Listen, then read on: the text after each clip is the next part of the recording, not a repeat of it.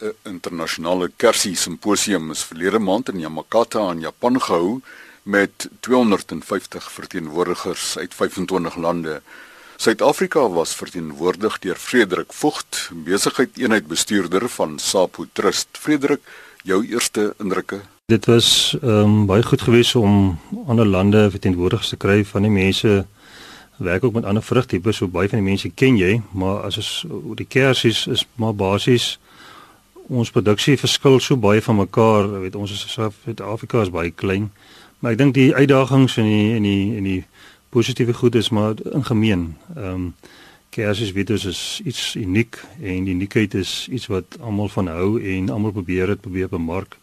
Ehm um, so ek dink die die wat daar gepraat is en gewys is gaan maar basies oor al die nuwe kwaliteit is is goed en nuwe onderstamme waar kan ons mekaar aanvul. Alhoewel ons in die groot prentjie klein is ehm um, het almal daai het almal het saam gepraat saam gedeel. Dis nie dat elkeen op sy eie is nie. En dit was die gees van die kongres gewees om met mekaar inligting te deel en te kyk hoe kan ons mekaar aanvul en die pad vorentoe gaan vir die unieke produk. Ek dink die meeste van die dae is opgedeel, behalwe nou die een dag wat 'n velddag was, wat is die Vrydag buite was en gaan kyk het hoe lyk die produksie in in Japan, was die ander goed basies ingedeel in verskillende kategorieë. Ehm um, die verbouing aspek daarvan, die oplei, die die eh, die kultivars, die onderstamme was baie gewild geweest, daai sessies uh, wat almal altyd belangstel, wat is nuut en hoe kan 'n mens die produksie ver, verhoog? want produksie is 'n probleem want kersies produseer gemiddeld maar 6 tot 10 ton en die gelykbreekpunt soos enige ander gewasse is 'n probleem. So jy wil dit graag om gelyk te breek ten minste 25 ton hê om daarby uit te kom het jy sekere tegnologie nodig. En die fokus was juist daarop gewees om die produksie per hektaar te en dis maar nuwe kultivars onderstamme en 'n hoë digtheid te plant.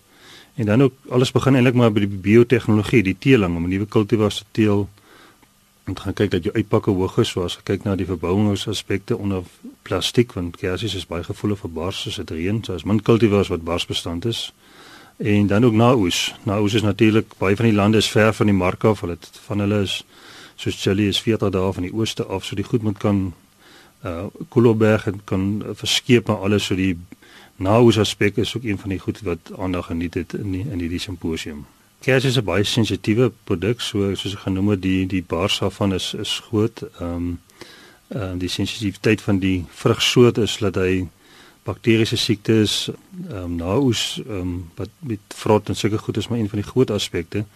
Ehm um, wat wat maar plaasvind en dit veroorsaak ook dat 'n mens ehm um, moet kyk na tegnologie om dit te verbeter. So dit is maar ook die fokus gewees. Wat kon jy vir die kongres oordra van Suid-Afrika se kant af? Ja, ek uh, moes ook 'n um, voorlegging gee oor Suid-Afrikaanse se bedryf. Ehm um, ons het nie baie tyd gehad nie, so 12 minute, maar mense kan nogal baie sê in 12 minute. Alhoewel ek dink ons as 'n bedryf, nie net in Suid-Afrika nie, want die kersies in Suid-Afrika is minder as 1% van die totale hektare wat geplant is. Dan ook nou in die wêreldperspektief is dit baie klein, maar ek dink ehm um, soos genede genoem het, ons het baie goed in gemeen.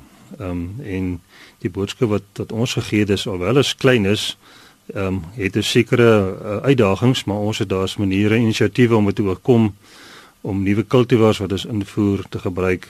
Ehm um, dit is dit was die boodskap gewees dat ons met laer koubehoefte kultivars kan ons ons areas ehm um, in die Weskaap en in die in die noorde van die land kan ons dit uitbrei deur ehm um, verbeterde kultivars wat laer koubehoefte is. En dan ook het ons uniekheid in Suid-Afrika dat daar binne uh, begin Oktober is daar basies 2 tot 3 weke waar daar nêrens in die wêreld kersies produseer word wat ons kan produseer. So ons moet daai uniekheid kan kan kan uitbrei met hierdie inisiatiewe waar ons dan eintlik baie goed doen as ons in daai 2 3 weke kan kersies kan uitvoer waar daar nêrens in die wêreld kersies is. Dis interessant kan ons so vir oomblik wegstap van die Japanse kongres. Jy het gesê dat daar is tans kersies wat in die warmer dele aangepas is. Ja. Waar vind dit al inslag hier in Suid-Afrika? Is maar in Noordwes provinsie, ehm um, is daar van hierdie kultivars wat wat ons weet is uiters omstandighede. Hulle is 'n somerreënvalgebied. Ehm um, en is baie koud in die winter en is droog. Ehm um, waarvan kersiebome nie baie hou nie van daai uitstraling in die winter nie. Maar met hierdie nuwer klaar karbo koue behoefte kultivars wat geteel is, het hulle dit vermoë om on, onder onder nette en in plastiek hierdie kersies te te plant, maar die voordeel van daai area is hulle is vroeër as die as die Weskaap en van die ander dele van die land. So dit gee alhoewel die risiko's baie hoër is, ehm um, en hulle sal regkry om daai kultivars te produseer, kan hulle baie goed doen. Waar kry SAPO die nodige materiaal tans? Dan is die meeste kultivars wat kultivars wat in Suid-Afrika geplant word en ook maar die ander dele van die wêreld kom maar van die Kaliforniese teelprogramme. Ehm um, en daai teelprogramme het die laaste dekade, meer as 'n dekade het hulle al kultivars wat hulle geteel het wat aan hulle omstandighede ook ehm um, in 'n laer koolbehoefte gedeelte geteel is voor hom aangepas is. So die meeste kultivars wat tans suksesvol is uh, van die ouer kultivars ehm um, en van die nuus wat nou gebruik word om te toets kom maar van die Kaliforniese teelprogramme of tradisioneel is die ander teelprogramme in Europa wat ook groot teelprogramme is baie uh, ons weet nou hulle is baie kouer as Suid-Afrika maar daai aanpasbaarheid van daai kultivars is baie moeiliker in ons omstandighede en net daardie vreemde kultivars maklik uh, inslag gevind hier in Suid-Afrika. Ja, hulle het 'n groot impak gemaak en dit veroorsaak eintlik dat ons van kerseisoen in, in Suid-Afrika is, is eintlik relatief kort. Binne 2 maande is alles oor en verby. Maar met hierdie kultivars kan jy seisoene rek van vroeg tot laat kan jy nou 'n groot verskeidenheid kultivars hê en jy kan jou oesperiode verleng en ook die bemarking van die jy wil nie 'n kliënt lus maak vir iets en dan jammer volgende dag as daar niks meer nie. So jy wil graag 'n hele um, reeks van hierdie kultivars hê wat um, invloed kan maak en impak kan maak op die op die raak van ons veg vir raak, raakspasie in 'n supermark so jy wil graag kontinuïteit hê met 'n produk. Nou terug na Japan en die kongres die laaste dag, Vrydag, het jy ja. geleentheid gehad om besoeke te bring aan verskillende plekke. Ja. Wat kon jy daar met die oog steel? Uh soos ek gesê het, hulle doen alles onder onder onder beskerming wat nou maar amper soos 'n tonnel is met plastiek. So ek dink dit is die toekoms uh, vir kersies, want kersies ehm um, wil jy graag 'n uh, unieke produk hê en jy wil dit graag kan verpak en bemark en as dit nou tot niet gaan dan dat al die kostes tot niet gegaan. So ek dink die oes onder beskerming is nie net in Japan nie, maar in oor ander dele weet ons in Noorwe wat amper nooit son kry nie, verbou hulle kersies onder onder tonnels se goed en hulle kan dit 2 tot 3 weke ook vroeg in 'n tonnel produseer. So die uniekheid van onder in onder beskerming en onder tonnel en om plastiek kersies te kweek het sy voordele ook alhoewel dit baie duur is om dit te doen het van jou oorseese kollegas belangstelling getoon om 'n besoek te bring hier in Suid-Afrika? Ja, dit is altyd ehm uh, interessant om ander dele van die wêreld te besoek. Ehm um, so ja, baie van die mense het navraag gedoen en baie inslag gevind met my voorlegging alhoewel is klein is baie vrae gevra en nog steeds korrespondensie wat mense skryf van mense wat wat uitvind van ons bedryf so ja. Frederik nou as mens vorentoe moet kyk waar lê die grootste knelpunte waaraan jy aandag moet gee. Ja, ek dink eh, as seker goed wat mense iets aan kan doen, ander wie niks kan doen nie. Ek dink die droogte het 'n groot invloed op die bedryf nie net op kersies nie. Maar ek dink in die die feit dat daar tegnologie beskikbaar is, ons het tekort aan onderstamme, ek sê so sê gehad, maar vir die kort termyn is dit ook kom die massa invoere van weselkultuur onderstamme om daai bedryf aan te vul totdat ons uh, genoeg bome het. So dit is een van die goed waar wat aandag geniet en ons gaan binne die volgende jaar of twee baie meer bome beskikbaar hê as in die verlede. En dan ook die verdere evaluering van hierdie nuwe variëteite wat wat beskikbaar raak om die bedryf uit te brei om meer areas te kan plant. So dit is die goed wat maar geniet en dan ook wat in heeltemal in ons hande is, maar as ons dit kan regkry en dan kan ons die bemarkers die geleentheid gee om daai vroeë areas te te gaan kyk wat hulle kan doen om daai voordeel wat ons het net verder te kan uitbrei om tot voordeel van die bedryf om net meer winsgewend te wees. Hoe vergelyk die kwaliteit van ons kersies met die van die buiteland? Ek dink ons glad nie terug te staan van kwaliteit nie. Uit die aard van ons omgewing en klimaat is ons die grootte van ons kersies 'n bietjie kleiner as ander lande se omdat ons baie warmer is en ons omstandighede ons grond is nie so goed soos, soos ander produksieareas nie.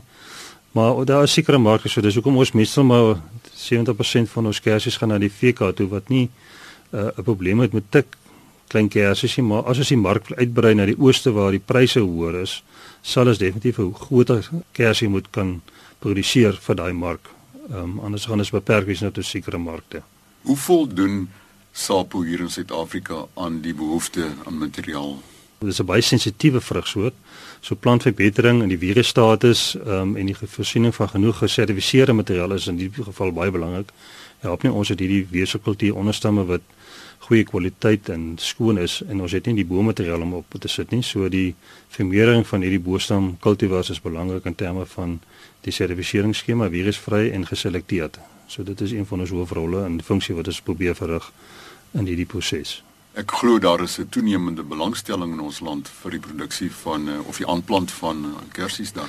Ja, daar is 'n groot aanvraag. Op oomblik kan nou nie die aanvraag voorsien word nie. Uh, daar is ook 'n beperking op die nuwe kultivars van daar sekere plantteelersregte en uh, soos die neiging maar wêreldwyd is is daar uh, is die materiaal nie altyd beskikbaar vir almal nie en daar is eksklusiewe groepe wat hierdie materiaal hanteer. Maar daar is ook ander variëteite wat oop is vir almal. So dit daar is 'n geleentheid vir almal om uit te brei. Hoe oud kan 'n kersieboom word? As jy kyk net statistiek, ek dink van ehm um, weer is 30% van ons kersiebome in die bedryf is oomblik ouer as 30 jaar oud, so uh tussen 20 en 30 jaar. So die relatiewe ouderdom kan hoog wees. Ehm um, maar daar is maar altyd bome wat uh, maklik doodgaan en wat vervang moet word. Uh, maar as regte praktyke toegepas word, kan 'n boom maklik 30 jaar oud word. Belangstellendes wat vanoggend aan jou geluister het en miskien dit oorweeg om ook met kersies te begin boer, ja. kan hulle te werk gaan.